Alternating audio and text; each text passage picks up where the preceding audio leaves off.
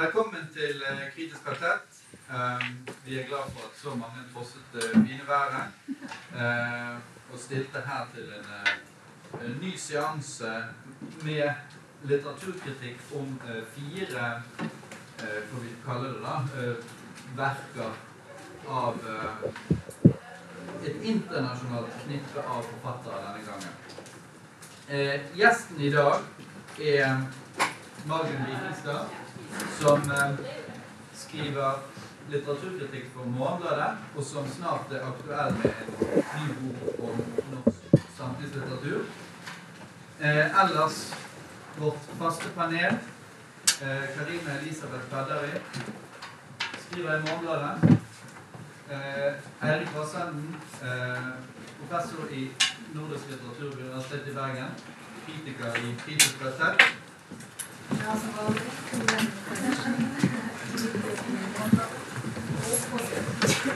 Bøkene vi skal ta for oss i dag, det er altså følgende. Ann Carson, 'Glass, ironi og Gud'. Er det noen som har den der? Skal vi se den frem? Eh, Geir Gulliksen, 'Historie om et ekteskap'.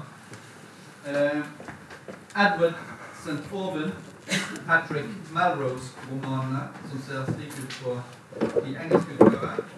Eh, vi skal der ta for oss de tre første av fem. 'Nevermind', 'Bad News' og 'Some Hope'. Eh, og til slutt den russiske Vladimir Sorokin, 'Snøstormen'. Ser slik ut på norsk utgave. Eh, vi begynner seansen med en Carson. Vær så god, Karina. Hva handler det om?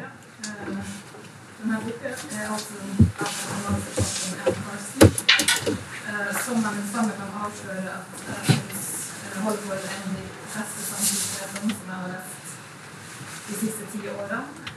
Eh, Og hvis mitt etos ikke overbeviser så kan jeg opplyse at jeg ikke er alene om den opplevelsen. Det er nokså allmenn enighet om at eh, hun er en av de tydelige og interessante språkpoetene i dag. Eh, Når jeg kan diskutere så blir det ofte understreka at hennes bøker kombinerer tilsynelatende ulike elementer.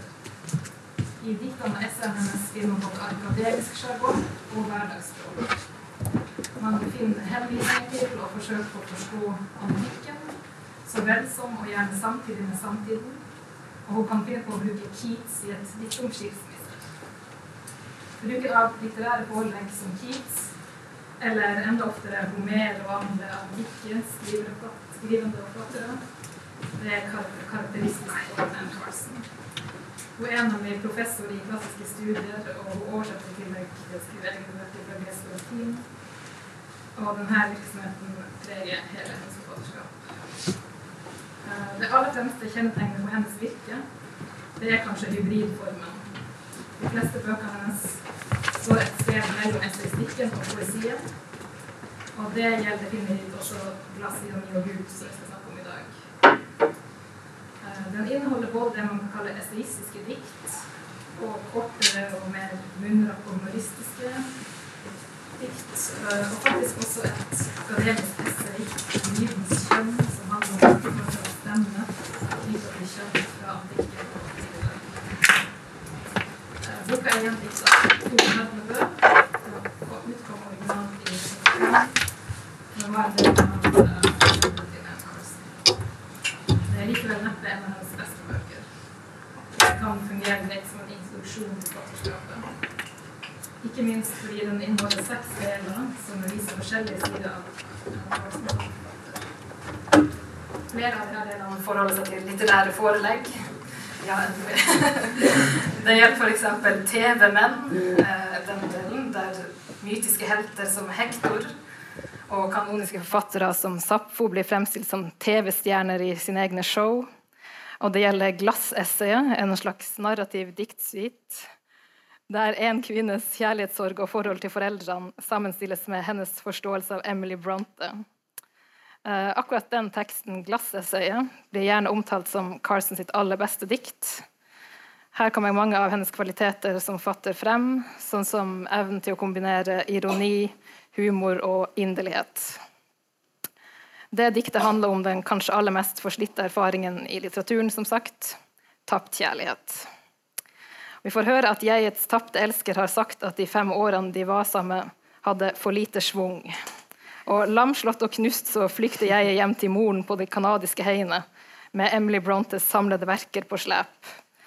Og der er aprillyset klart som et alarmsignal, der hvor de nakne blå trærne og den blekløse, livløse aprilhimmelen skjærer inn i henne med kniver av lys. Uh, uh, Carstens jeg begynner å arbeide med å prøve å forstå hva som har skjedd med henne. Hun leser Bronte, hun tenker, hun går rundt i canadiske heiene. Hun har eh, svært mange banale samtaler med sin mor, som ofte også er ganske morsomme. Eh, men det som er hovedpoenget i dette diktet, og for Carson generelt, tenker jeg er at eh, en slags tanke om at gjennom et tankearbeid så kan man komme forbi det private dramaet, og man kan skrive om den type erfaringer som kjærlighetssorg er, ut, og på den måten unngå melodrama, selvmedlidenhet, sentimentalitet, klisjeer. Uh, til å være et dikt om et kjærlighetsbrudd, og med den faktisk stormfulle romanen 'Stormfulle høyder' som forelegg, så er tonen i glasset på en måte ganske deadpan, og det er tørr og kjølig. Men samtidig er det veldig mye følelse i måten hun uh, gestalter de litterære foreleggene på. Det er et veldig forførerisk dikt fordi hun holder det så enkelt og konkret i språket, samtidig som hun gestalter en slags storslått og uh, overført følsomhet, kan man kanskje si, som uh, de her klassikerne som hele tida griper til, tilfører teksten. Da, og gjør det til noe større og noe mer enn en enkeltperson sin sorg. Uh, som hun skriver et sted, skal slutte med et kort sitat. Det piner meg å skrive dette ned, jeg er ikke melodramatisk anlagt. Men sjelen er meislet i et øde verksted, som Charlotte Bronte sier om stormfulle høyder. Uh, og, ja, enten Carsten skriver om Bronte eller antikke fattere, så får hun frem noe som angående den måten vi forstår litteratur på. Uh, altså litteratur som noe som både engasjerer oss følelsesmessig og intellektuelt. Jeg syns hun kombinerer det på en veldig fantastisk måte. Ja. Margunn, uh, hva sier du? Er du, er du like glad i denne boken som Karina er? Altså den, den, handler jo litt om eh, det samme som vi skal snakke om eh, etter dette her. Altså Gulliksen det er jo tapt, eh, tapt kjærlighet. Og, og, det som er styrken eh, i Joanne Carlsen, som du Karina kommenterer, er jo den der, eh, en type sånn eh, sarkasme eller kjølighet i forhold til, til, det, til det dramaet. At det der oppstår en, en, en distanse som er veldig sånn behagelig å forholde seg til. Og samtidig så, så, så mister du En mister ikke en ikke alvoret i, i, i dette her tapet. Uh, og jeg syns jo den der første, at det første essayet er litt sånn eksemplarisk i både i måten å eh, bruke personlige erfaringer når du skriver om, om, om, litteratur. altså At du skriver om Bronté og så bruker seg sjøl. Og så er det er det liksom som å, å likestille eh, skjønnlitteraturen og virkeligheten på et eller annet sånn veldig sånn, eh, konkret vis. Altså at, at litteraturen blir Eh, hva skal jeg si, like, for, for, like stor tyngde som hennes egne erfaringer med, med dette her kjærlighetstappet. Og så synes jo det er sånn, eh, Kanskje mest av alt så liker jeg veldig godt det der eh, kontrastene mellom eh, dette jeget og mora. Altså Der oppstår det utrolig mange sånn flotte, stilige scener i, i måten å se så ulikt på, på verden. så så jeg liker veldig godt det første. Altså, mitt parti, altså, jo, altså, Det er jo helt tydelig at dette er en eh, som vi snakket om kanskje forut, en veldig intelligent dame. Eh, veldig sånn klassisk danna. Men altså, de midtpartiene, de, de diktene der, jeg vet ikke helt altså, de, eh, Jeg syns det kan bli litt mye antikk historie. Jeg, rett og slett, at jeg får litt, sånn, litt noia på akkurat det. Men, men det siste altså, det siste essayet er igjen veldig sånn Eh, både i forhold til at det er så, så annerledes enn en det glassessayet og de, eh, mitt parti med de litt mer sånn klassiske diktene, og at det, at det er en veldig sånn stilig måte å vise eh, hvordan stemme og kjønn eh, både i at antikken og i dag har noen helt sånne der, Eh, ja, at det er, er, noe å hente der. Altså, hvordan stemmeleie eh, for kvinner og, og, og menn eh, har, har, så mye å si for hva, hva, om en blir hørt. Da, enkelt og greit. Og det er jo både veldig presis på og, og morsom når hun, når hun skildrer. Ja, altså Poenget i det siste, i det siste essayet Nå kaller du første det som du liker godt, du kaller mm. det også for et essay. Det heter et essay glassessayet, men det er jo et dikt. Bare for å, til publikum Ja, å presisere. ja, ja. Mens det siste er en akademisk artikkel. Sånn at, og det handler jo nettopp om da at kvinn, kvinners eh, høye toneleie og tendens til å snakke mer enn menn tradisjonelt har ført til en slags undertrykkelse av, av den kvinnelige stemmen. At mannlige kulturen alltid har villet eh, at kvinnen skal holde munn, helst. Og holde munn både med den munnen og den andre munnen. Mm, nettopp. Mm, ja. For at mannen skal få Ja. ro til å drive med sin kultur. Ja. Men vi kan, jo, eh, vi kan jo stoppe litt med det. Har jeg lyd nå? Ja. Fint. Eh, vi kan jo stoppe litt med akkurat det der essayistiske. da, altså det at hun kaller eh, dette første diktet, som er et intenst kjærlighetsdikt, at det kalles et essay. Eh, mens dette siste essayet eh, jo er en helt annen type tekst. Da. Men, men akkurat, akkurat den, den første bruken av sjangerbetegnelsen i, dette åpningsdiktet, glassessayet, det er for det første en tekst som føles for så vidt en bok som sådan, som føles, Den er fra 1995. Den føles veldig ny. Mm. fordi den ligner på veldig mye av den poesien som skrives for øyeblikket. Altså narrative, sammenhengende, springende eh, tekster som, som da ja, eh, Hybrid, hybride ja. tekster. Sant? Altså blander eh, ulike sjangre, og som også ikke minst da eh, hele tiden er i dialog med, med eldre litteratur. Eh, jeg minnes jo en eh, en eh, diktsamling som vi diskuterte her for ikke så lenge siden, eh, som av eh, var det Morgenbladets kritiker ble litt sånn foraktfullt kalt poetisk essayisme. Eller es- essayistisk poesi. Det var deg, det. Frode. Ja.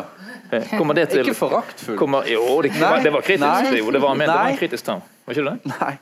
Ja, Jeg eh, sa, jeg sa Rimreid har oppfunnet en ny sjanger, det essayistiske langdiktet. Det var ingen i men, men, men det har han jo da altså ikke gjort. sant? Eh, Fordi Jan Carlsen eh, foregriper han jo med, med eh, 20 år her. sant? Ja, ja Eh, men- men det- det er altså et- det, Nå vil jeg jo si det at det, det er jo langt fra klart at dette virkelig er et essay. Mm. Eh, Skal vi ikke la der det ligge, det er vel ikke så veldig viktig. det? Nei, jo, men det er jo, jo men, men det er jo et litt Altså, det er et Jeg, jeg vil si Hvis jeg bare kan få si det raskt at uh, Det som er hovedsaken i dette diktet, sånn som jeg ser det, er at kjærlighetssorgen fører til en uh, epifanisk tilstand for subjektet, altså for jeget. Epifanisk betyr full av åpenbaringer. Hun har 13 åpenbaringer som er en gradvis eh, Kan beskrives som en gradvis eh, utvikling fra det der jeg, det selvopptatte som, som preger et, et menneske som er i kjærlighetssorg, til til slutt et slags bilde på hele menneskeheten som et utsatt eh, vesen som står der og, og, og- og bestråles av forferdelige vinder som river kjøttet av. eh, som er egentlig en tragisk livsoppfatning som hele greia munner ut i. Eh, jeg syns ikke det det er et, et type lærdomsdikt av den type som, som Rimbreid eh, skrev. Jeg mener at det er et visdomsdikt. Ja, la la den henge litt. Sånn, at, eh, sånn at det kan synke inn den fulle dybden av det. da. Eh, Det er et poeng. Eh, eh, eh, eh, eh, Det er tar, det tar kanskje en stund før Ja. den fulle Nei, dybden men av eh, det. Visdomsdikt eh, Ja, vi kan godt kalle det det. Men samtidig så er det jo også Det er også som, som, som Karina sier, et slags lesedikt. sant? Den, eh, Ja. det er tekst som handler om et, et jeg som også da eh, så å si, nesten terapeutisk eh, går inn i et, et skjønnlitterært verk. Og det er å gjøre seg til ikke ett med, da, men iallfall gjør seg uh, til en alliert med, med eh, ikke bare Emily Bronte sine tekster, men også med Emily Bronte sitt liv og skjebne. sant? Og der, uh, det, det er på en måte veldig vakkert og veldig fint. Og, og, og det første jeg får, lyst til når jeg er ferdig, når jeg har lest ferdig diktet, er å lese opp, oppsøke da, Bronte eh, sine tekster. Men samtidig så er det jo også noe ja, noe ved denne måten så å, si, å leve seg inn i andres skjebner. Sant? For Bronte, den, den mest kryptiske av Brontë-søstrene sitt eh, liv er, er, er fullt av si noen, gåter og uklarheter og ting vi ikke vet. altså som Stort, stort spekulasjonspotensial. Det er også noe sånt ja, hva skal man si, jeg vil ikke bruke dette ordet, da, men, men det, det handler jo også om å appropriere andres erfaringer. Og Det gjør han jo et stykke her. Gå inn i de og, og, og er de og henter kraft fra de, sant, i en viss forstand. Uh, Og jeg tror nok det er derfor hvor det oppleves som at det er altså det er personlig og intimt på en måte, og samtidig så er det et eller annet som gjør at det ikke blir påtrengende da, med, med å få servert den derre den i utgangspunktet kanskje litt sånn potensielle plagsomme kjærlighetshistorien så en tenker ja, men det, det vil ikke jeg høre noe om egentlig. Hun klarer liksom også, også legge seg så tett inntil Brontë at det blir eh, ja, det, det, får et eller annet sånn der litterært løft. da, Og eksistensielt løft. Det er jo en vekselvirkning mm. hele tiden. Altså Du sier mm. alliert, sant? Mm. Men det er en vek altså, hun, hun, tar jo også avstand. Altså Det er hele tiden en forhold mellom identifikasjon Sånn har jeg det også, og sånn har jeg det ikke. Bron uh, Emily Bronte er jo kjent for at hun nærmest ikke snakket med noen uh, utenforstående gjennom hele sitt liv. Hun hadde, opplevde ikke kjærligheten, hun hadde ingen mann osv. Likevel så skriver hun et verk som er så rått og brutalt og fylt av lidenskap og hat og ondskap og all, alle følelser i verden skrudd opp uh, på et så sinnssykt høyt volum at det er helt utrolig for oss i dag at en sånn kvinne som var så isolert, kunne skrive noe sånt. Det er jo det som er fascinerende. Mm. Og der sier hun det at 'dette sinnet mm. er ikke mitt'. Sånn at uh, Ja. De andre tekstene i denne boken, vi er vel enige om dette, at dette glassessayet er, er veldig godt. da. Mm. Mens de andre tekstene er uh, som du er inne på, noen av tekstene er litt sånn TV-menn-dikter. Ja, det, det, det, det, føles, I motsetning til dette glasseiet, som føles veldig nytt, veldig friskt og på en måte kunne vært skrevet i dag, eh, bortsett fra at det da er skrevet i 1995, som gjør det mer interessant på en måte. TV-menn føles datert. Altså en sånn type eh, si, mediekritikk eller, eller eh, mm. noe som, som, som, ikke helt biter. da. Mm.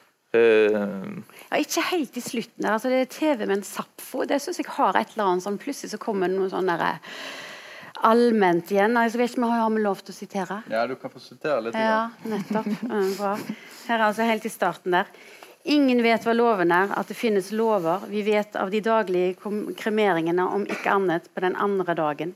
Med opptak på Place de la Concorde ser jeg at bladene i Jardin har forandret seg over natta men sier det ikke til noen av frykt for kontinuitetsproblemer. Jeg har allerede forkastet 16 eller gode.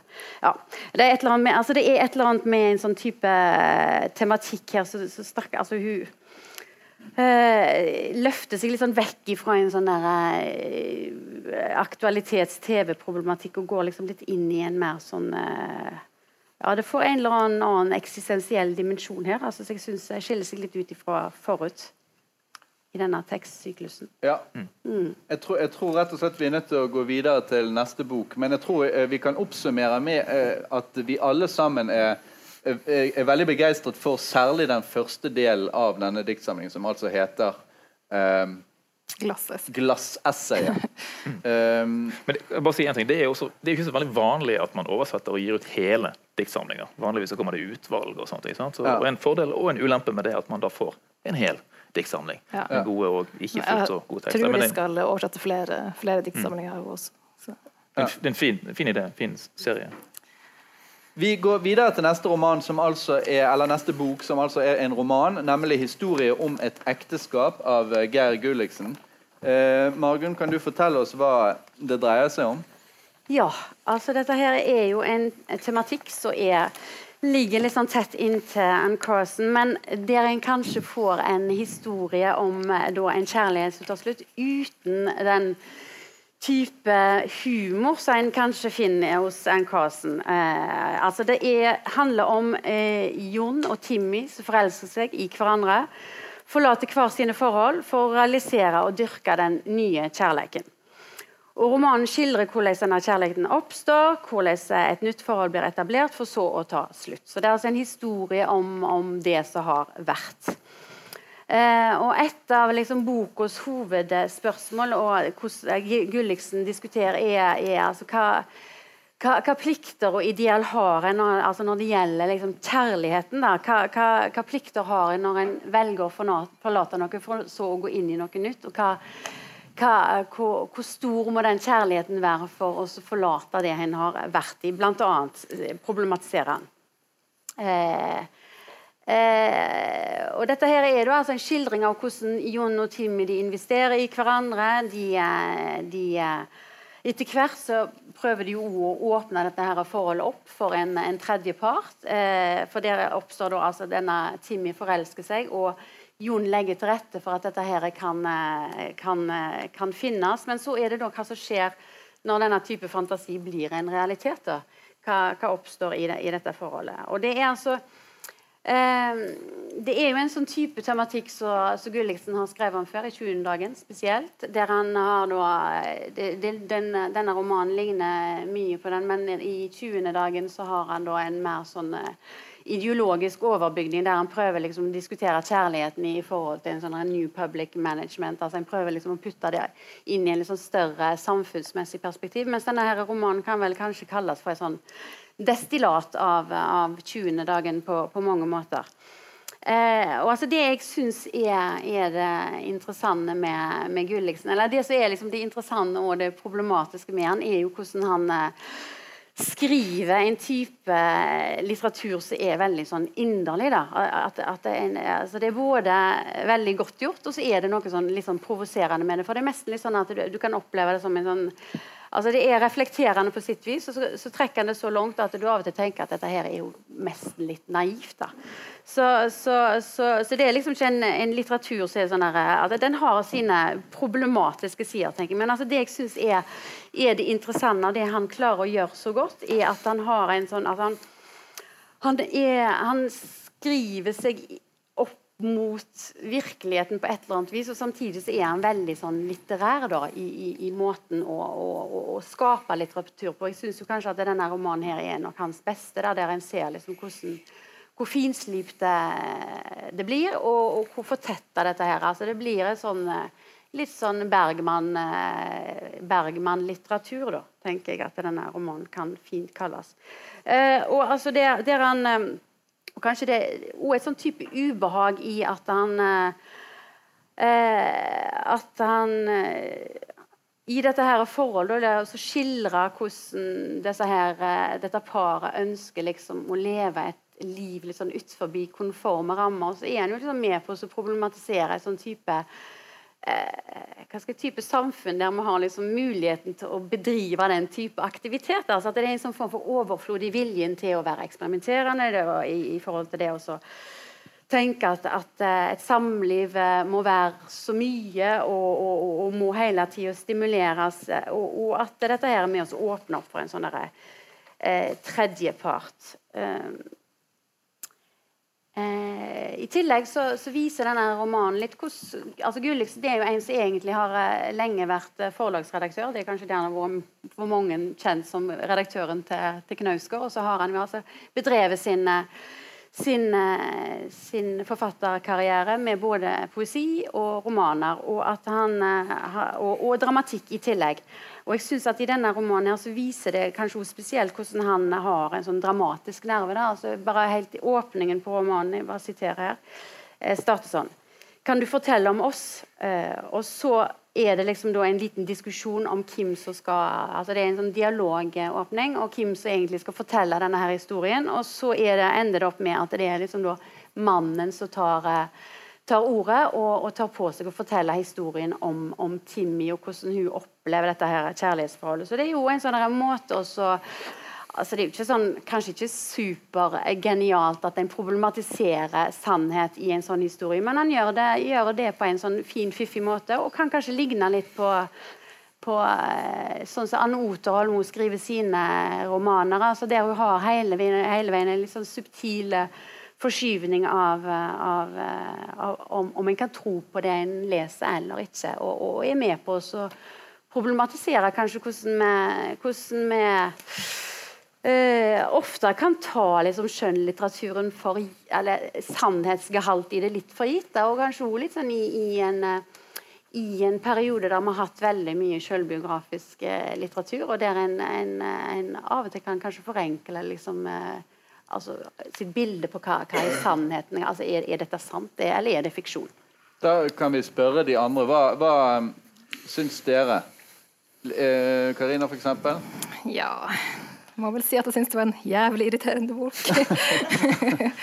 men, det er jo et godt utgangspunkt for diskusjon. Ja, men jeg, jeg syns ikke nødvendigvis at det var en dårlig roman likevel. Da. Eh, men det er irriterende. Vi kan jo begynne med det. For det første så irriterer jeg meg hele veien gjennom uh, over en selvforståelsen til han Jon som hovedperson, og dels til det her paret. eh, han har hele tiden ideen om at de to som par skal være så frie og riktige. De må ikke være et vanlig norsk par på noen som helst måte. Og de driver ikke med vanlige norske knull. Eh, og hvis kalkun skal skjæres opp på en middag, ja, da er nå selvfølgelig kona nødt til å gjøre det. Ellers så, herregud, kunne det jo virke som at de levde på 50-tallet. Jeg blir bare sånn, å hallo, kan dere ikke bare innrømme at dere er et vanlig norsk middelklassepar. og så er det måten som han hele tida fantaserer frem hennes utroskap og nye forelskelse. For det kommer jo frem at de har hatt et sånt seksuelt sett forhold hvor de hele tiden driver og fantaserer om andre, og særlig at han fantaserer om at hun skal finne andre og ja, driver det frem på en eller annen måte. Uh, og han påstår hele tida at de er så frie at de kan ha åpne forhold, de kan være med Eller hun det blir aldri sagt at han kan være med hvem som helst, hun kan være med hvem som helst, og han syns det er greit. Men det er noe veldig sånn barnslig og dumt med den frihetstanken som han vil basere sitt liv på. Ikke fordi at det er dumt å være sånn per se, men fordi at det hele tiden for han virker som det er påstander og signaler om at de er så fri. Det er det som er viktig her. Hvis de virkelig hadde hatt det, hatt det så likeverdig og fritt, så hadde det ikke vært nødvendig å hele tida snakke om det, og hele tida fantasere om det, og hele tida skulle lage en enhet ut av oss to. Det virker jo paradoksalt nok som om han er mer avhengig av å skape en tosomhet enn de som lever i det som han ville kalt tradisjonelle forhold. For han må hele tida se de to som i motsetning til alle andre, og skape de to som en slags ja, Det virker bare som det er behovet for å definere seg sjøl som fri og åpen, egentlig vitner om at han er grunnleggende utrolig usikker. Da. Uh, og så er det det som du sa, det med det fortellerperspektivet. Det syns jeg også er ganske irriterende. At uh, hele tida egentlig Man kan aldri vite om det er han som fantaserer frem alt som skjer. man vet ikke hva som Han forteller hennes historie uten å egentlig kunne gjøre det, og så kommer det sånn scener hvor hun går inn på badet og onanerer, og han bare 'Nei, nå går jeg kanskje for langt.' Bare, åh, det blir så overtydelig. og litt sånn filmatisk grep. Nei, jeg jeg syns det ikke fungerer i det hele tatt. Ja, hovedpersonen er, er, er helt, helt, umulig å, å, å tåle eh, mer enn strengt tatt de sidene som finnes der av. Og det handler om hovedpersonen. For han er så, han er så grunnleggende overempatisk og, eh, og påtrengende selvutslettende, sånn sjenerøs på en ekstremt poserende måte. Mm. Eh, ja, men... og, og denne utroskapen som, som, som skjer her, den, eh, det er jo langt, langt, på vei så forteller boken oss at den ville jo aldri i verden skjedd hvis ikke han hadde dyttet henne gang på gang. Samtidig overtalt og mast. Og, og, og, og, i det hele tatt. man applauderer jo bare henne og bare, og bare tenker 'endelig ja. har du sluppet unna men, denne men, sam, samtidig, da, samtidig ja, han, er helt, han er helt ulidelig, helt utholdelig i sin, i sin sånn uh, pludrete og, ja, tvangs, den tvangsmessig antiheteronormativ. Han, ja. altså, han, er, han er oppsatt på å ikke være vanlig på en så irriterende måte at, at, at det er måte parodisk. Og Da er jo selvfølgelig spørsmålet om det ikke også da ligger en form for uh, selvkritikk og selvransakelse i akkurat altså Om ikke hans selvfremstilling også er rammet av denne, av denne uh, erkjennelsen. Det er min feil. Uh, at han beskriver seg sjøl på en slags parodisk måte. Men det andre poenget Jeg tror virkelig ikke han er ubevisst på, på, akkurat det perspektivet. Det er jo liksom noe med at, at, at det er jo og, og, og, og, trekke det såpass langt at en blir liksom provosert på det. For det er jo noe med hvordan han diskuterer dette her med, med hvordan uh, kjærlighet blir en sånn makt, uh, maktutøvelse, at, og, at, at han problematiserer den underkastelsen. Ja, ja, men Poenget hans er å vise frem en liksom annen det, det, er jo en helt klar en sånn bevisst tanke. Han vil vise frem en annen type mannstype, ikke den sterke mannen. Ja. Han vil vise frem den svake ja, og trekke det litt ekstra langt. Ja, ja. Liksom. Men er, er han kritisk til denne mannstypen som han viser frem som et sånn klaustrofobisk intimitetsmonster? Eller, eller vil han ha det? Altså det, det, verste i denne boken her, det er disse sexskildringene. Nei, det, altså, det, er, jo, det er helt ulidelig. Det er, hans, det, er hans, det er, jo ikke sex, det er jo han som hele tiden maser og maser og maser. Hvisker inn i øret. 'Gå og ta en, en annen mann! Finn en annen mann!' Vær så snill, ta en annen, finn en annen. Ja, ja, nei, han må ha det for å hisse seg opp. Ja, han, er, han, er, jo masochist. Sant? Han er en slags selvplagende, ynkelig uh, og pervers fyr. Uh, men, men samtidig så er han jo Men så er det, det er noe interessant med det. Jeg er enig med deg, Margunn, i det der. Eh, og du, du sier det, han drar det så langt. Det, det som er interessant for meg med denne romanen, det er det at han vil være ukonvensjonell. Det sier han hele tiden. Men da later han på en måte som om normen fremdeles er slik den var på 1950-tallet. Sånn at det han kaller for ukonvensjonelt, vil jo jeg kalle for ultrakonvensjonelt. Nemlig at i dag. sant? Nemlig at mannen kan ta på seg bar, eh, eh, barnepass og, og, og, og husarbeid og, sånn. Men så drar han det liksom så langt at han får det der politisk korrekte eh, til å bli Han drar det politisk korrekte så langt at det blir sært og etter hvert forvrengt og til slutt perverst. Og Det er egentlig det jeg syns er litt interessant med dette her. sånn at Det er ikke bare det at han vil på en måte finne sine feminine sider og dyrke sine feminine sider. Han vil gå så langt at han på en måte vil være en kvinne. Mens uten å miste mannlige, sitt mannlige eros. Sånn at, han, sånn at det som skjer, da, etter mitt syn, det er at hans empatiske innlevelse i kvinnens skjebne forvandlet seg til en slags seksuell nytelse. Og da Ikke fordi at han vil nyte som om han var en kvinne, men som om han er en mann som går inn i en kvinnekropp, og så begynner å kle av henne og så begynner å beføle seg sjøl.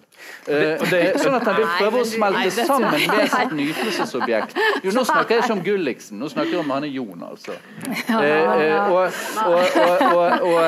Og, jeg syns det er jeg synes det er det, det, det, er fall, altså det at han vil prøve å smelte sammen med sitt eget eh, begjærsobjekt, er for meg Eh, den eh, Nei, men samtidig, kan jeg si en ting?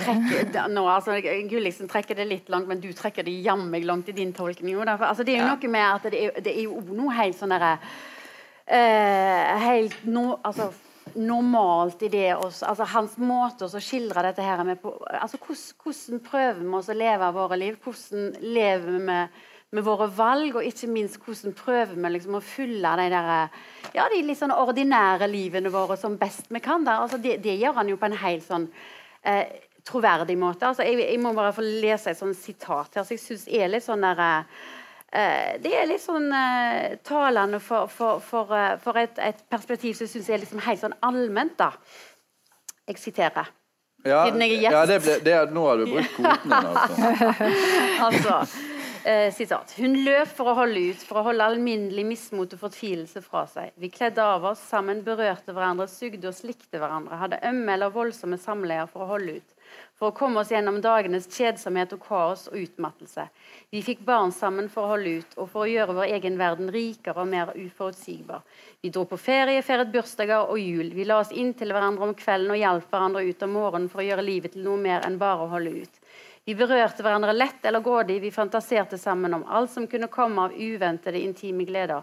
Vi opprettholdt en uopphørlig flørt med hverandre for om mulig å forskjønne livet vårt. Hva skulle vi ellers ha gjort? Og Det er jo liksom noe, altså det, er jo, altså det er jo på en måte kanskje et sånn tragisk perspektiv men samtidig så er det jo veldig sånn derre Altså En prøver jo som best en kan å få disse livene til både være litt sånn der hverdag og, og, fest, på et eller annet vis, og det syns jeg at han klarer på et eller annet vis å, å skildre det. Altså det, det, det er litt sånn eh, det ubehagelige i, i, i det perspektivet. At, at, vi kan liksom, ja, så, så, velger han å forlate et samliv og, og, og, helt klart sliter på en eller annen måte med, med det. For hva, nye, den nye kjærligheten den må jo da på et eller annet vis kanskje være større fordi en har forlatt noe som kanskje, kanskje var det greit, eller kanskje var det ikke greit. Men altså, det er noe med hvordan han klarer å eh, problematisere noe sånn som ikke, ikke er å så ja, så er det noe veldig sånn allmennmenneskelig og, og uh, treffende for uh, vår tid, da, syns jeg. Ja, og så blir han forlatt, og så skal han forstå da hva det er som har foregått. Sant? Så En ting er jo da hans uh, selvrefleksjon og alt dette. Men den andre tingen, det, det, det som du, du, sier om det, om det fortelletekniske i dette eh, det har jeg faktisk eh, på ett nivå enda større problemer med enn eh, denne hovedpersonen, som da på, på, kan være irriterende nok. Eh, for det han gjør her, er akkurat det samme som han gjorde i sin forrige roman, som var en av de første vi diskuterte, 'Bøyde knær'. I den så eh, Ja, det kom en imellom. Ja, det stemmer. Den, den kom i 2013. Ja. 'Bøyde knær'. Der, der setter han seg da i den 16-årige afrikanske jentungen som sitt sted, for å forsøke å forstå hvorfor hun velger eh, omskjæring framfor utdannelse og et liv i, da, i, si, kontakt med vestlig kultur osv. Eh, og jeg har store problemer, veldig store problemer med måten han da så å si, ja, overtar. Eh, her, bruker, her passer ordet 'approprierer' hennes eh, synspunkt. Okkuperer eh, denne 16-årige jentungen sitt synspunkt eh, som om det var innenfor rekkevidde for Ja. den norske Ja. forfatteren som da skriver dette. Sant? Og som om, det var, som om det var innenfor rekkevidde til Geir Gulliksen å forstå Ja. det. Og det gjør han også her. Men her må, Med- er det kanskje litt for han trenger å gå inn i en annen for å fortelle om seg sjøl. Det, Ja. det er bedre begrunnet. Det er bedre begrunnet, men han gjør det samme, og det er fortsatt eh, Selvfølgelig, litteraturen er jo naturligvis full av mennesker som lever seg inn, lever seg inn i andre menneskers liv, sant? men her gjør han det for terapeutisk bearbeidet. Det er ikke noe pent portrett han tegner av denne eh, kvinnen som sender ut av hans liv. Hun er ganske hard, ganske eh, distansert. Eh, og, og, og? Det er forsøkt eh, fremstilt i et slags nøytralt vokabular, men, eh, men det Samtidig ikke noe pent portrett av, av seg sjøl heller. Da. Så, det er liksom, så det er jo en litt sånn eh, knausgård ånd der, med at en liksom ja, at en, en, en skildrer seg sjøl med, med all den skammen som en sitter, sitter og er fullt av. Jeg syns han lykkes med en- én ting, da, og det er å konfrontere meg med en slags svakhetsforakt som jeg faktisk får Nettopp. Fremkaller i meg. Boka gjør virkelig det, da. Ja, det, og det er litt interessant å Ja. oppleve. Ja. Jeg også slet med min egen forakt. Jeg tenkte også at jeg, tenkte også at jeg antagelig pekte til noen mindre heldige sider i mitt eget liv. um, Nei, men jeg, jeg, tror, jeg tror kanskje også det peker på det som jeg var innom i sted, nemlig at denne hovedpersonen er ikke da utilsiktet eh, irriterende. Altså, det er en form for kritikk av, av så si, karaktertrekkene til denne Jon, som vi også da eh, vi som lesere må konfronteres med, og som forfatteren Gulliksen her da stiller ut for oss. Sant? Og, sånn sett så er det jo et eh, eksepsjonelt godt portrett, fordi det er så øh, Men det har ikke blitt vakt Ja, det- vektlagt i det hele tatt. uh, Og det er jo helt som på- uh, skrevet om den. og sånn. Og helt på slutten av romanen så er det jo altså, der han sjøl opplever at sønnen viser en veldig sånn forakt for hans egen sånn der, måte å Mm. være på. Så, altså, det, det, det er jo veldig sånn tenker at det, der, er mange sånne ting som peker på en, en bevisst sånn at en blir ført i akkurat den retningen av å bli provosert av, eh, av hovedpersonen. Eh, men, men samtidig så sa du tidligere at du, at du syns den var veldig litterær. Det kan ikke jeg helt eh, forstå. Altså, jeg så at det var mange anmeldere som skrev noe lignende, at det var veldig sånn estetisert og sånn. Men jeg syns, at det i grunnen er en ganske ulitterær, eh, en ulitterær bok. Altså. Men den har anslag til det vi kunne kalle en for sånn intellektualisering av lidelse, smerte, Ja, den er veldig- den er veldig cerebral. følelser. Eh, altså, sant? eh, For å kunne snakke om dette, så, så, så dras det da en Beauvoir og Sartre og sånne, sånne. Historiske sjalusidrama.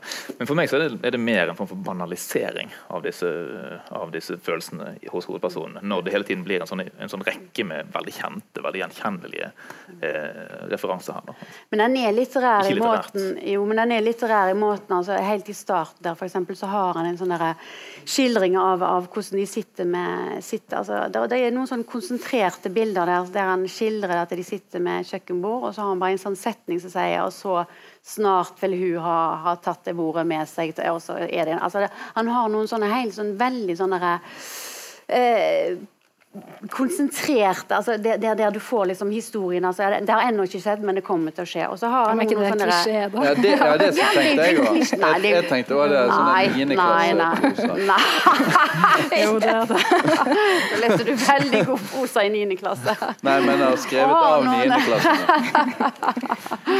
Nei, Og har noen altså sånne vendinger som så jeg syns fungerer veldig godt, så er, er, er, er, er de er finslipte, da. Du ser liksom at de er pussa på. Ja, ok. De, ja, de er ikke er klisjeer. det jeg Altså, kan gi det en deg klisjé. jeg, jeg, Det jeg kan gi deg som ikke er en klisjé, som jeg, jeg, både Eirik og Karina var imot, det er det at han har kvinnens perspektiv, men fremdeles er jeg-person. Det har, kanskje jeg husker å ha lest før.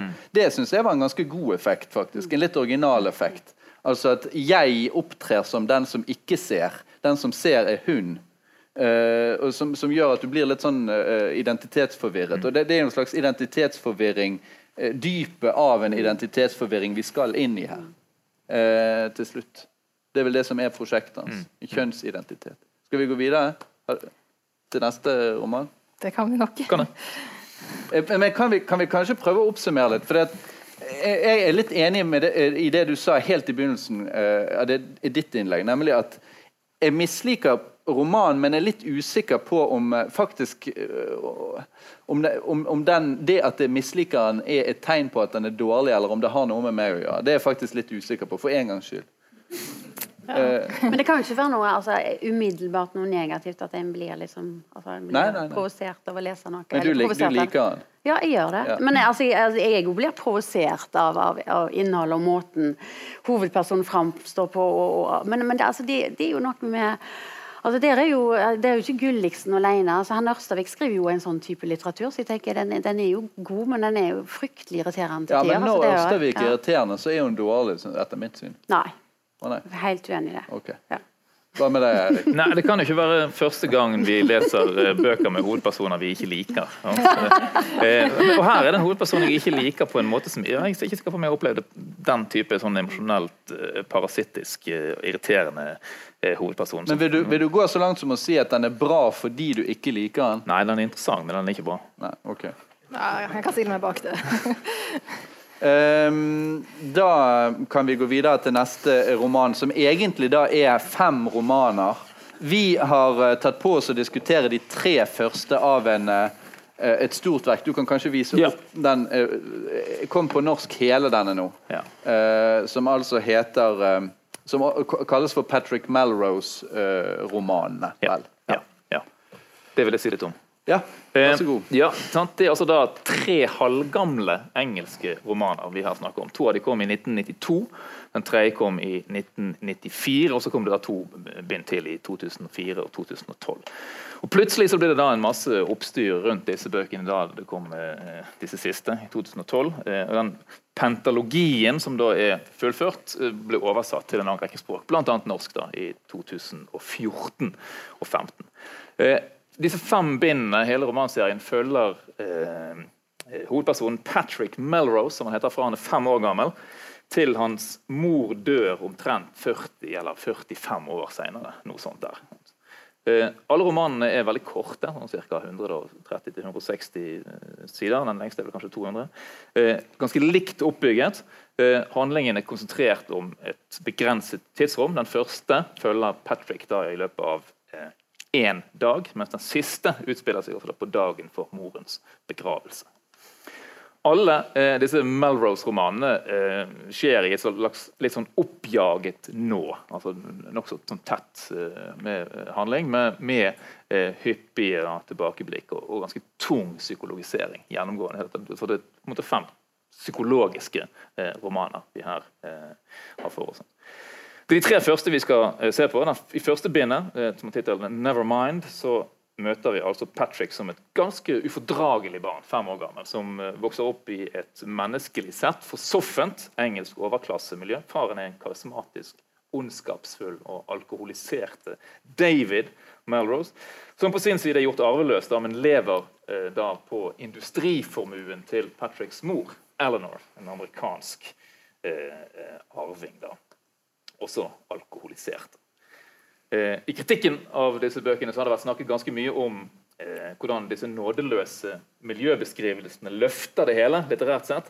Og det er ganske riktig en ganske hard utlevering av tomheten og, eh, i disse rike menneskene sitt liv vi får servert. Og meste av det, det meste av det som skjer da, disse menneskene imellom, handler om å unngå å være a bore, en kjedelig person.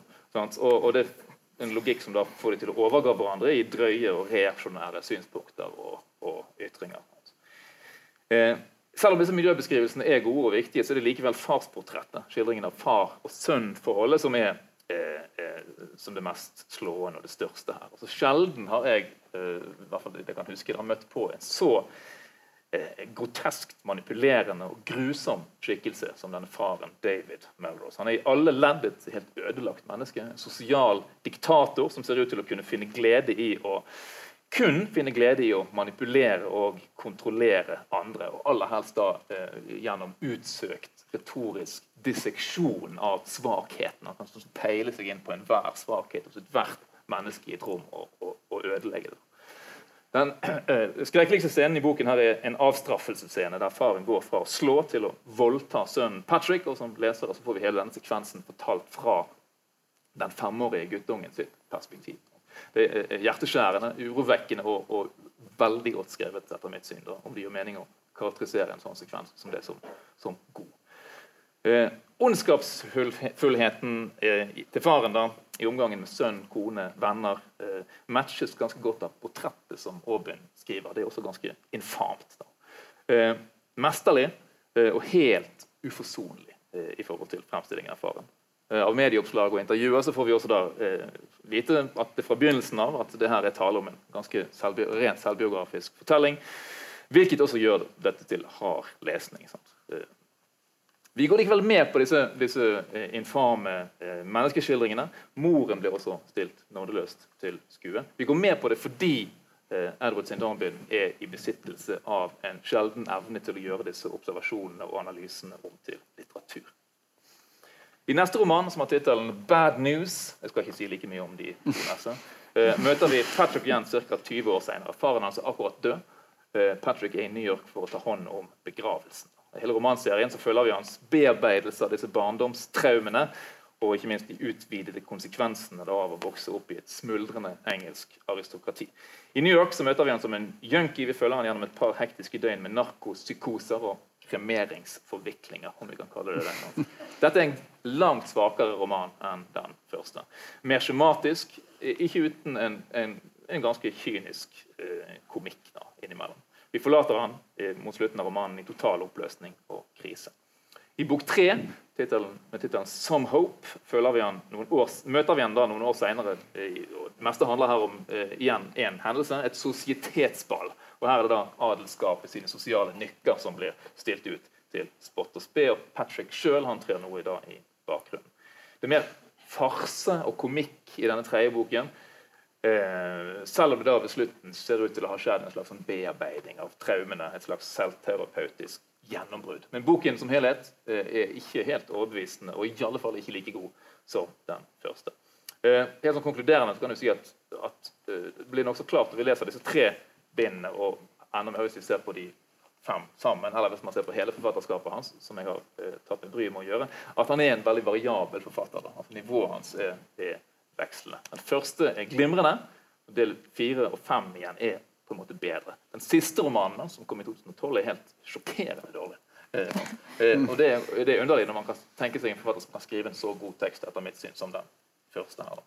Det er jeg tror han selv sa noe om det, at han, at han, rett og slett ville skrive en roman for the fun of it. og lage han veldig raskt, skrive den veldig raskt, istedenfor å sitte og file og file og file ja, i årevis. Meget merkbart. Ja. Eh, og så må jeg si da, helt til slutt noe om oversettelsen til Trude Marstein. Ikke les den.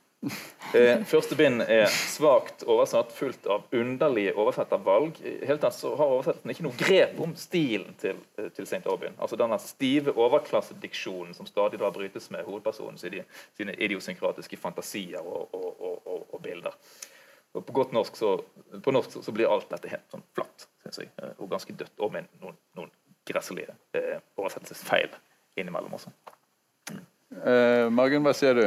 Er du enig i den overordnede vurderingen her? Nei. Uh, jeg, eh, altså, nå har jeg bare lest den uh, norske, for det var den vi fikk. Eller fikk.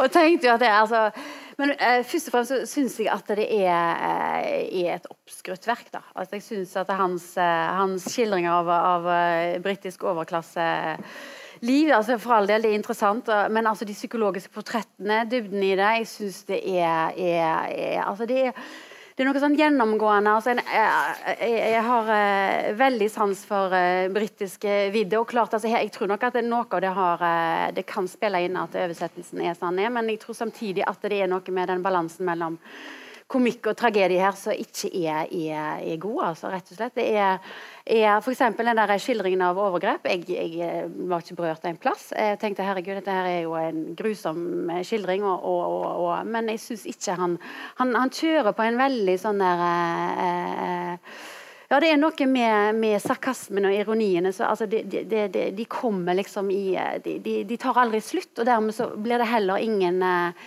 det blir lite, oppstår lite intimitet i prosaen, og det er liksom noe med at, eh, at en tenker at det, det, det, er en sånn type litteratur der, der, der, akkurat det å bli berørt er ganske viktig. Da. for dette her er jo liksom litt sånn der, Det er en sånn plottdreven Det er liksom sånn der, det er skildringer og det er masse dialoger. og det er, Jeg syns det blir en sånn veldig sånn masete Så du, du kjedet du deg? Ja. Jeg, jeg, jeg, altså, jeg, jeg savner savner en, en, en, en balanse mellom, om, med, mellom den komikken og tragedien. Da. Så den, det, på et eller annet vis det, det verket eh, bør romme for at det skal være god litteratur, rett og slett. Så det er min eh, Ok, dom. helt uenig altså. Karina, hva sier du? Jeg er nok mer på linje med Eirik. Uh, eh, egentlig helt enig med alt du har sagt. Men eh, samtidig så har jeg, nok, jeg har noe av det som eh, Margunn sier også. Det er noe av de, de sarkasmene og all den ironien og det infame som appellerer på en litt ubehagelig måte, sånn at man får lyst til å være en som kan komme med sånne type sarkasme sjøl. Altså det appellerer til den type leser som bare 'Å, jeg skulle ønske jeg kunne være så frekk'. Eller sånn som det står på denne baksideteksten til den norske. Det er bare å lene seg tilbake og la seg overvanne av en kaotisk, ondsinnet verden. For en vemmelse, for en fryd. Nei, det, det ja.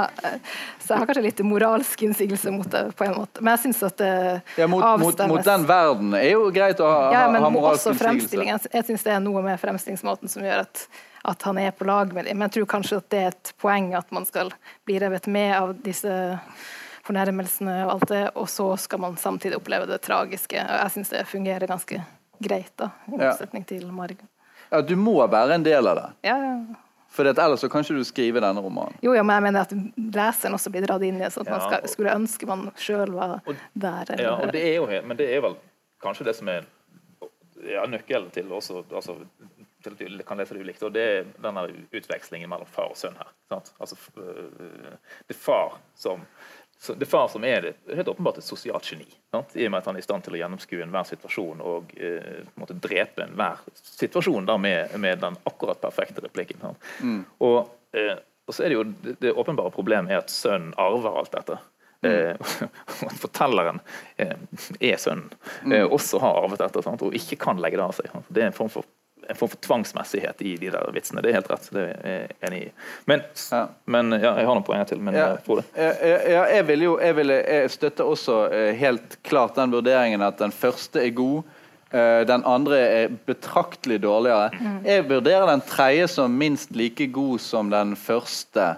eh, Fordi at jeg mener at St. Aubins talent som forfatter nettopp ligger i den der sosietetsskildringen. Litt mer enn i den der eh, selvrefleksjonen eh, som han kanskje er litt for ironisk og litt for på en måte distansert til å få helt ordentlig til. Eh, muligens. Eh, men bare for å uh, fortelle det til publikum, altså det som er, uh, det, at- og dette er en argumentasjon mot deg, Bargun. Eh, for det, Den der åpningsscenen er jo helt fabelaktig. Der har du en, har du en mann som står på, i en fantastisk eh, kan du si, eiendom i Sør-Frankrike. Og så står han hver morgen og spyler maurene etter en utrolig sånn der eh, intrikat torturlogikk. Så Først så dynker han de litt, og så lar han de sprelle litt. og så Akkurat når de tror at de slipper unna, så eh, drukner han de. sant? Det gjør han hver morgen. Samtidig har han også et ritual med hun tjenestepiken Yvette, som er en fransk tjenestepike. Hun må gå med eh, sengetøyet som eh, ja, som hun har hentet. Da, så hun kommer der. Og han ser at hun så vidt klarer å, å bære det. Og da engasjerer han henne i en høflig konversasjon som hun ikke kan avvise. Og han ser, han vurderer nøyaktig liksom, hvor lenge hun kan klare å stå der uten på en måte å bryte sammen. Den, hele den scenen der bare synes jeg er så fabelaktig godt skrevet og sier så utrolig mye om han faren at, eh, at eh, ja, at jeg, tilgir han mye etter det. altså. Faren eller Ja, for all del. Altså, Jeg, tilgir ikke faren, men forfatteren. Men altså hele altså, humoren altså, der, der er mye strålende scener her. Det, det syns jeg virkelig. Det er ikke det som er Men det er liksom helheten der. Nå leste jeg, leste jeg de to siste, og jeg syns kanskje rett og slett at den siste, altså hele skildringen av eh, av moras begravelse, og, og kanskje også spesielt relasjonen mellom Patrick og denne her um, Anne, er det det heter? Nei, Mary er det Ja. vel? Mary, ja, altså Den konen som da er i ferd med å bli en ekskode. Der, der oppstår det den der, Kanskje det jeg savner ellers, er den blandingen av eh, perfid humor seg imellom, og så en sånn type varme. Da, der det er liksom Det er blant annet en sånn scene som er veldig fin, der, der han spør liksom hva hun sitter og tenker på. Så sier hun jeg tenker på, på ja, den, den avdøde, og så har han noen sånne ja, en litt sånn klassisk ironisk kommentar til, til, til det som gjør at en ser liksom en sånn ja, at det er noen sånn, eh, nærhet, da. Intimitet Men, i det der. der. Så finner det, du ikke den nærheten også i den samtalen med kameraten Johnny når han skal fortelle Nei. om hva som har skjedd? Nei, for eksempel For han forteller For det etter mange år, det, så forteller ja. han at han er blitt misbrukt ja, av ja, nei, jeg synes den, den er helt sånn der eh, på, på det der distanserte, kjølige Der det liksom ikke er noen sånn Ja, altså den der blandingen språket, språket er jo det. Altså, idiomene de bruker seg imellom når de snakker om det, det er jo hele tiden kjølig, nettopp fordi at det er, det er overflate. sant? Ja, De- de er ja. ja men, men, men hvorfor Men det, oppstår det da det emosjonelle er ikke, er ikke der. Eh, Ja, men hvorfor? Altså, det, nei, det er ikke den samme balansen Eller, eller sammensetningen eh, i, i den scenen der, og det er mellom eh, Patrick og Mary. Altså, det er et eller annet med at det, jeg synes det blir altså, Det er noe med at det er for mye av Ja, det er for mye av komikken. da, At den klarer liksom ikke også, For det er jo tragedie der. Den, den, han klarer jo liksom Han, Men- han er jo ikke ubevisst ja, på det, men det er han bare er på overflaten hele tiden. Han, kom, han kan ikke Altså, det, er det er den, det er jo den terapeutiske bearbeidelsen av dette som gjør at han til slutt da lykkes i på et eller annet vis s- romanen psykoanalyserende eh, klarer å trenge ned i dette og, og komme ut av det da forsont. sant? Det er jo en slags, det er en slags terapifortelling, disse fem bindene.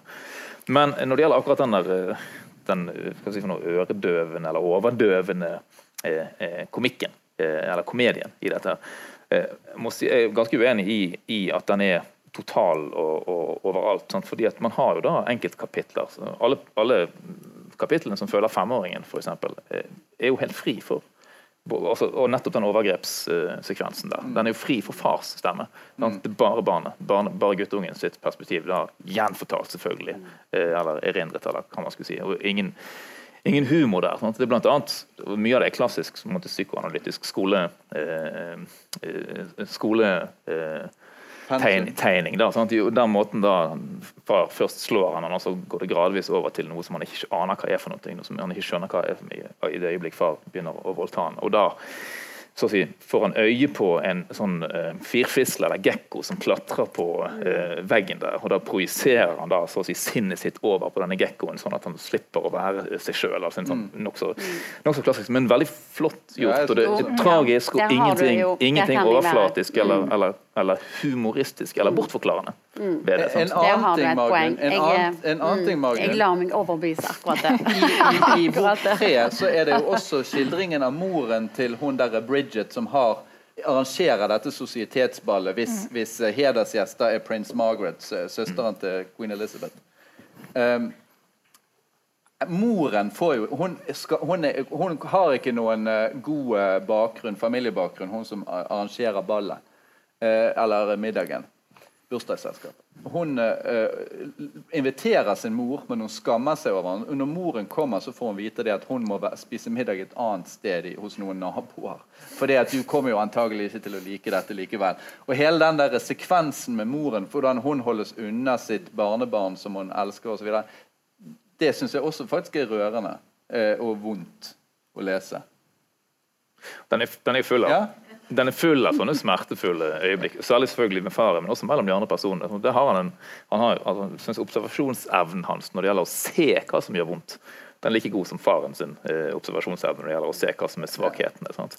For den ene scenen der faren har et sånt, eh, sånt mantra 'observe everything'. Ja. Observer alt. Ja. Nettopp for å kunne så å si, eh, plukke alt i stykker. Eh, så det er en sånn scene der han eh, eh, de leker en lek der faren later som han holder han i ørene. Og så skal sønnen da holde, holde, holde på faren sine hender, da, og så ser det ut som faren eh, holder han i ørene. Um, Nå skal han slippe, og så holder han bare i og så skal han slippe, og så holder faren fortsatt bare i ørene. Ja, og så liksom, Hvorfor slipper han ikke? Er han helt gal? Og så sier han etterpå da faren da du har lært noe i dag, sant? Du kan ikke stole på alle. Du kan ikke stole på noen. Det, det er faren. Eh, og og, og den der måten å se sånne smertefulle øyeblikk på, det er, det er ikke noe morsomt med det. Synes jeg. Det, det er ganske Det er ganske, det er ganske Men det er ikke mange av de her, syns jeg, i, i, i, i de fem bøkene. Så det er ja. Må, vi må gå videre. Men eh, du er i mindretall, Margunn. Det det kan være Nei, det er greit. Det er jo du i din fulle rett. Eh, men eh, vi må gå videre til eh, dagens siste bok, som er Vladimir Sorokin 'Snøstormen'. Dette er jo da en forfatter som tilhører det som man gjerne kaller for postsovjetisk litteratur. En, vi, kan vel kalle han for en dissident. En av de mest fremtredende forfatterstemmene i de siste 20 årene i russisk litteratur, så vidt jeg forstår, uten å være noen ekspert på det. Eh, en, kritisk, en samfunnskritisk forfatter, men også en fabulerende forfatter eh, som har skriver romaner med trekk fra fantasy-sjangeren og fra science fiction-sjangeren. Eh, han hadde én roman på 80-tallet som var en satire over Sovjetunionen, livet i Sovjetunionen, som het 'Køen'. Hele romanen var en kø, ingen kom noen vei. Eh, man skjønner alle hvordan det var en satire. Um, det var først helt i årtusenskiftet at han uh, kom i åpen konflikt med det postsovjetiske regimet i Russland. En roman som heter Blå, 'Blått fett', som er oversatt også til norsk. hvor han, ble, hvor han bl.a. er svært uærbødig overfor tidligere russiske statsledere, sovjetiske statsledere som ligger med hverandre osv. Eh, der blir han sterkt angrepet av en sånn pro-Putin-bevegelse. Eh, og ble etter det mer eh, kan du si, eh, Fikk en større følelse av å inkarnere det da. Uh, og, og har, har, skrevet en ganske sånn vill, grov og vill satire over Putins Russland. Særlig en roman som også oversatte oversatt til norsk, som heter 'En uh, Operitsjniks dag'. Eh, I forhold til dette er 'Snøstormen' uh, litt mindre tydelig som satire, syns jeg. eller så vidt jeg kan bedømme, Men det er regnet som en samfunnssatire, eh, ser jeg. Eh, romanen er lagt til en nær fremtid i Russland, som ikke er identisk med virkelighetens Russland, eller noe annet land på kloden, for den saks skyld. Eh, vi møter distriktslegen Garin, doktor Garin, Platon Illich, som for enhver pris må komme seg til en landsby eh, som heter Dolgoye, eh, som er rammet av en mystisk pest som forvandler folk til farlige zombier. Og Garin har da med en vaksine, men forhindres av en gjenstridig snøstorm og alle slags uhell i forbindelse med denne snøstormen, da, som etter hvert gjør reisen mer og mer umulig. Eh, denne snøstorm, Snøstormmotivet er kjent i russisk litteratur, kan ha ulike betydninger. Eh, henviser vel til monotoni, alt er hvitt, eh, ingenting lar seg skille fra hverandre, eh, og til en form for ubøyelig motstand. Garin er drevet av borgerplikt, og han er heroisk på sitt vis. For enhver pris så skal han frem. Eh, det ville være urussisk og ukristent å gi opp. Eh, men som vi ganske snart innser, så er oppdraget fåfengt. Eh, altså Snøstormen er så å si en permanent ting. Eh, den blir til en allegori. Hele romanen blir en allegori som eh, henviser da til krefter som på en eller annen slags måte ligger hinsides individets herredømme. så vidt jeg kan forstå. Når, når det gjelder disse fantastiske elementene, så dreier, dreier, det seg for det første om vesener som ikke fins i vår verden. Bl.a. miniatyrhester og kjempestore hester. Og vanlige hester, altså i tillegg. Eh, når han skal ta denne sleden, han finner en sånn slede han, og, en, og, en, kusk som, han, som kan ta han til denne landsbyen der viser det seg at det er et sånt kobbel med sånne miniatyrhester som drar det. Bitte små. De er akkurat så hamster omtrent, eller liksom kyllinger, tror jeg han skriver. Eller høn, høns. 40 stykker av det som, som drar de. Eh, så det er jo litt morsomt. Og så er, um, er det da kjemper som vandrer i landet. Disse kjempene har ikke status som uh, mytologiske monstre, men, uh, men, er faktisk tilgjengelige på arbeidsmarkedet, viser det seg. De kan leie de inn til å gjøre karslig arbeid, men risikerer da å, å, å ryke uklar med dem. Um, I tillegg så finnes det noen slags narkotiske stoffer og narkotiske opplevelser som også vel er hinsides uh, det vi kjenner. Uh, de, de, de, har form som pyramider. Der poenget med denne narkotiske erfaringen eller rusen det er å oppleve noe som er så livaktig og så forferdelig at når du er ferdig med rusen, så omfavner du alt i ditt eget hverdagsliv som om det skulle være selve himmelriket. Så det er jo da en sånn sett et veldig sånn oppbyggelig dop. Um, eh, ja, når det gjelder da um, vi si, det samfunnskritiske aspektet ved denne romanen, så er jeg faktisk litt usikker på hva, hvordan vi skal forstå det. Jeg tror jeg heller jeg stiller det spørsmålet. Altså Romanen tar seg til en viss grad ut som en allegori, som et bilde eller et symbol på våre dagers Putin-Russland. Men akkurat hvordan det funker, det vet jeg ikke om jeg helt. Så ja, jeg gir ordet til mine kolleger her. Det er visst ingen av oss som har forstått det heller. Nei, altså, jeg har noen, jeg har noen, det, er noen, selvfølgelig går an å ha noen teorier her, men de blir ikke veldig presise. Sant? Det er altså det dette plottet med doktor som skal levere halvparten av en vaksine. Den andre halvparten av vaksinen har en kollega som har valgt en annen reiserute. Eh, sant? Eh, som skal hindre innbyggerne i, i denne byen å bli zombier. Eh, og han kommer ikke frem, eh, og han eh, forfryser i snøen og blir funnet av noen kinesere, men for seint.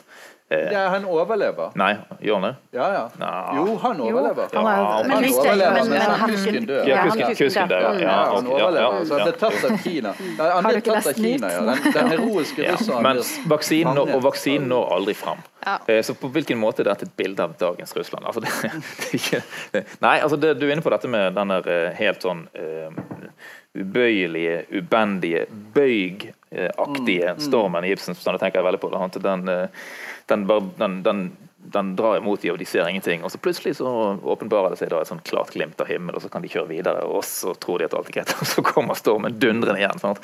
Så den, de, de vil aldri nå fram. Det er en, sånn der, en slags, form, en slags formløs motstand som aldri, eh, aldri gir seg. da. sant? Og det kan jo selvfølgelig da på et veldig abstrakt nivå fungere som en slags allmenn allegori. Sånn. Jeg tror ikke jeg kommer noen heller nærmere noe konkret. Men syns du det var underholdende å lese? Ja, ja. Ja. Veldig. Hva med deg, Veldig. Morgan?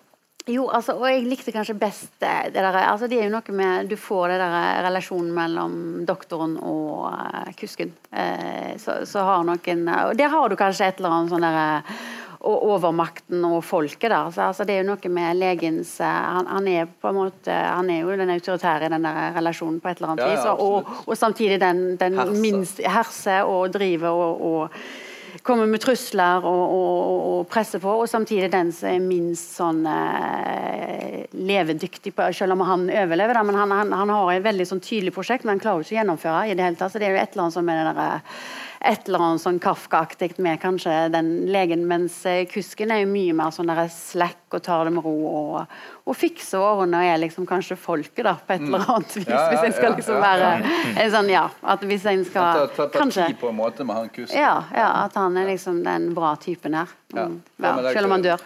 Uh, jo, jeg var tidvis underholdt, men jeg var ikke så veldig engasjert i romanen som helhet. Det ble jeg ikke. Men jeg var enig med deg. Kusken er liksom den man sympatiserer med hele veien. Mens doktoren han er utrolig selvfornektende. For ofte når de har blitt igjen for lenge, så er det jo hans skyld, for han har drukket for mye, han har tatt narkotika, han har hatt sex. Han har liksom vært tøylesløs hele tiden, samtidig som han er- får raseriutbrudd og vet han ikke Ja, og er kommer seg videre. på han at de må liksom holde han er helt sånn selvfornektende seg seg sjøl. Og, og det syns jeg blir litt forutsigbart. Det fungerer ikke så godt som driv gjennom boka. Det bare ser for deg at han skal få bli hindret på nytt, snøstormen kommer, og så skjer det et eller annet som han roter seg borti, og da bare, ja, det samme igjen og igjen. Det ble litt kjedelig på en måte, syns jeg. Ja. Men det er jo en litt morsom dynamikk, for du, du ser den tyranniske med Ja da, han, det er han som liksom skal drive dette her fremover. Og liksom, Jo mer han egentlig vet at det er hans feil at de ikke har kommet noen vei, jo mer tyrannisk blir han. Så det er jo en viss sånn sosial komikk i dag.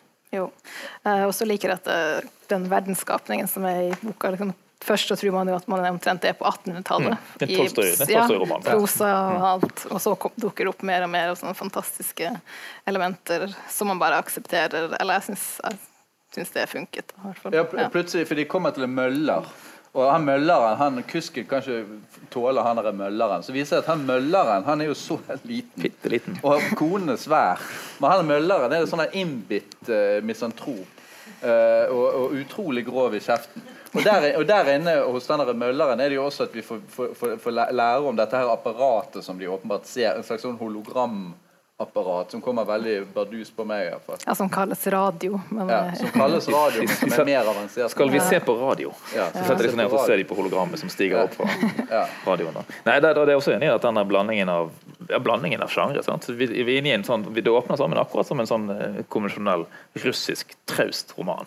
Alle personene har mange navn. Vi klarer ikke å skille dem fra hverandre. sant? De har kjælenavn, og de har kallenavn, og de har titler. Og, og, og så fortsetter det sånn en stund, og så skal, først skal de hente sleden. Og det får vi høre en autoslede. Det er det det heter. en autoslede med små hester. Ja vel. Det, er det en metafor for, for bensindreven motor? Nei, det er ikke det. Det er små hester. Altså Det er både bokstavelig og eh, da eh, finurlig eh, er 40 hester som slede, på en måte. ja, ja. Og så er det, så er det, så er det en slags sånn snev av disse Gogol-satirene her. Sant? Han har bl.a. en gigantisk nese Ja. som skifter farge, eh, denne doktoren. Etter en han blå ute og knallrød, kjempestor Ja. inne. Eh, Så, så det er hele tiden den der Hele tiden, og denne steampunk-estetikken, sånn science fiction-aktige. Disse eh, dopprodusentene som da heter vitaminesere. Ja. De, driver og lager, de, de driver og lager hus av et bestemt stoff som kalles levendefødende filt. Som, som kan bare vokse og vokse. Ja, Altså, de bare drar noen tråder, og så lager de ja, resten og, selv. og det elegante er at disse, alle disse elementene er helt naturlige og realistisk integrert. Det er ikke noe big deal. Nei. Det er sånn det er. Ja. Eh, og der eh, og Der blir jo dette på en eller annen måte en, en litt sånn kuriøs blanding av utopisk og dystopisk. Sant? Eh, For vi har ikke noen, sånn, vi har ikke noen ytre rammer for dette heller. Sant? Vi vet ikke hvor dystopisk dystopien i så fall er i dette. Sant? Men det som da er vel kanskje problemet, er at romanen muligens blir slukt av det at den er en allegori. Altså at hele meningen så å si går inn i at det er snøstormen som bilde på dagens Russland på en eller annen slags måte. Eh, og at i alle fall For min del så lar romanen seg best lese hvis man glemmer det. Prøver å glemme det så, så vidt mulig. For det syns jeg er det minst interessante aspektet. Eh, faktisk syns jeg det er mer interessant å lese den som en slags fantasyroman enn som en politisk allegori. Og så blir den jo et veldig sånn godt sånn eh, eh, puff inn i en type samtidslitteratur i, i kanskje en norsk sammenheng så, så skiller seg ut. da, At, det, at, at en her får en sånn en, en, en, Ja, en ser hvordan, hvordan sånn kan noen skrive i dag. At det, liksom, det, det er noe med med, ja, ja at, at det der historiske bevisste her og det der framtidige gjør at det blir veldig sånn annerledes. Ja, det er veldig annerledes sånn sett, i hvert fall hvis du er vant til å lese mye norsk samtidslitteratur. Ja. Så vi kan avslutte med det som et slags oppbyggelig element. Eh, se til Russland og se de artige tingene de skriver der, som er litt annerledes enn det vi leser her i Norge på tid. Men, men samtidig så er jo også dette en roman som da jeg klarer ikke å bli kvitt den følelsen av at det er noe sånn irriterende uh, hos meg som leser, mangel på noen referanser som vi gjerne ville hatt her. Eh, det er ikke helt tilfredsstillende at utfallet av denne boken er at vi skjønner at denne byen kommer til å gå under, for det er disse zombiene som da graver seg opp undergravere. at De graver seg opp på innsiden og smitter alle de andre. At det der eh, så å si utfallet eh, ligger. da. Jeg skulle gjerne visst hvor det er han peker i de forskjellige sammenhengene. Jeg klarer ikke å legge bort den tvangsmessige allegorien. og Som, som, Nei, men Da får du jo gjøre litt eh, undersøkelser der på egen hånd. Mer research. Mer Ok, research. men vi eh, avslutter. Tusen takk for fremmøtet. Neste Kritisk kvartett er 30. august, Ja. eh, altså til høsten.